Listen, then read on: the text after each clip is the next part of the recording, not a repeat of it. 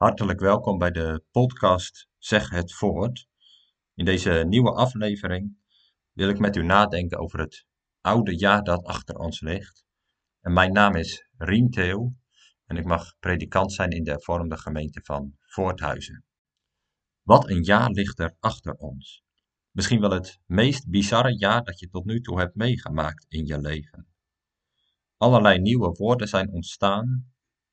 Denk aan de anderhalve meter samenleving, maar ook woorden als hoest en nies, schaamte, raamvisites, coronababies, outbreak management team, sneltests, een hamster in gebarentaal.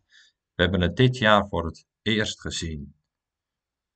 Misschien was het voor jou ook wel een heftig jaar, omdat je zelf van dichtbij met corona te maken kreeg, of omdat je je diep van binnen eenzaam voelt en alleen, of omdat je bang en onzeker bent over de toekomst. Al maanden ga je niet op een normale manier naar je werk, of ben je aan huis gebonden als het om je school of opleiding gaat. Wat een jaar ligt er achter ons, 2020. Het is een jaar dat ons bij zal blijven, dat zich in onze geheugens heeft genesteld.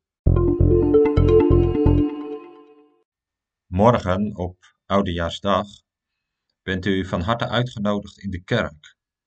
Om half vijf is er een kerkdienst vanuit Betabara en om half acht s avonds vanuit de dorpskerk. En beide zijn ook via de livestreams te volgen. Maar wat is mijn plan om in deze kerkdiensten te doen? Nou, graag ga ik met u lezen in het allerlaatste Bijbelboek, het boek Openbaring. Dat is niet het makkelijkste Bijbelboek, integendeel. In spectaculaire beelden en adembenemende visioenen wordt onthuld wat in de wereldgeschiedenis zal gaan gebeuren.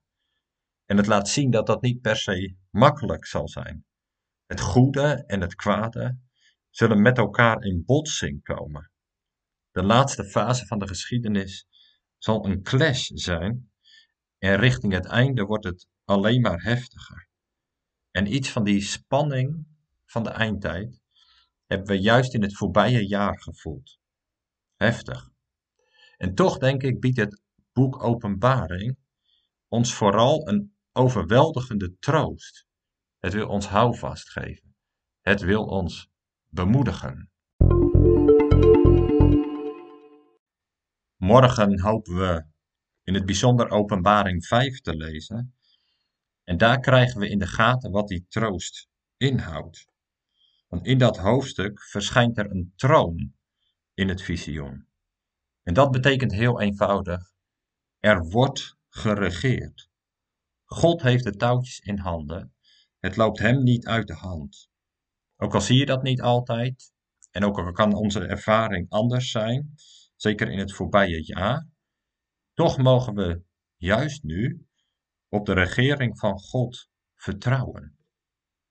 En het bijzondere, wat Openbaring 5 vertelt, is dan dat er midden in die troon een lam staat. Een lam staande als geslacht. Dat is Jezus. Een beeld voor hem, een beeld van hem.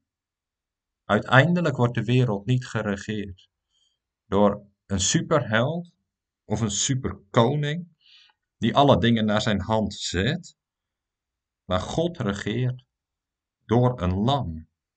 God regeert door Jezus, door te sterven, door begraven te worden, door op te staan uit de dood.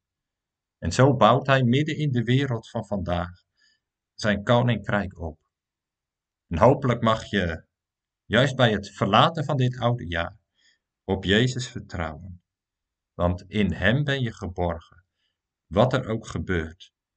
En in Hem gloort er een toekomst, voorbij de clash en alle donkerte van de wereldgeschiedenis.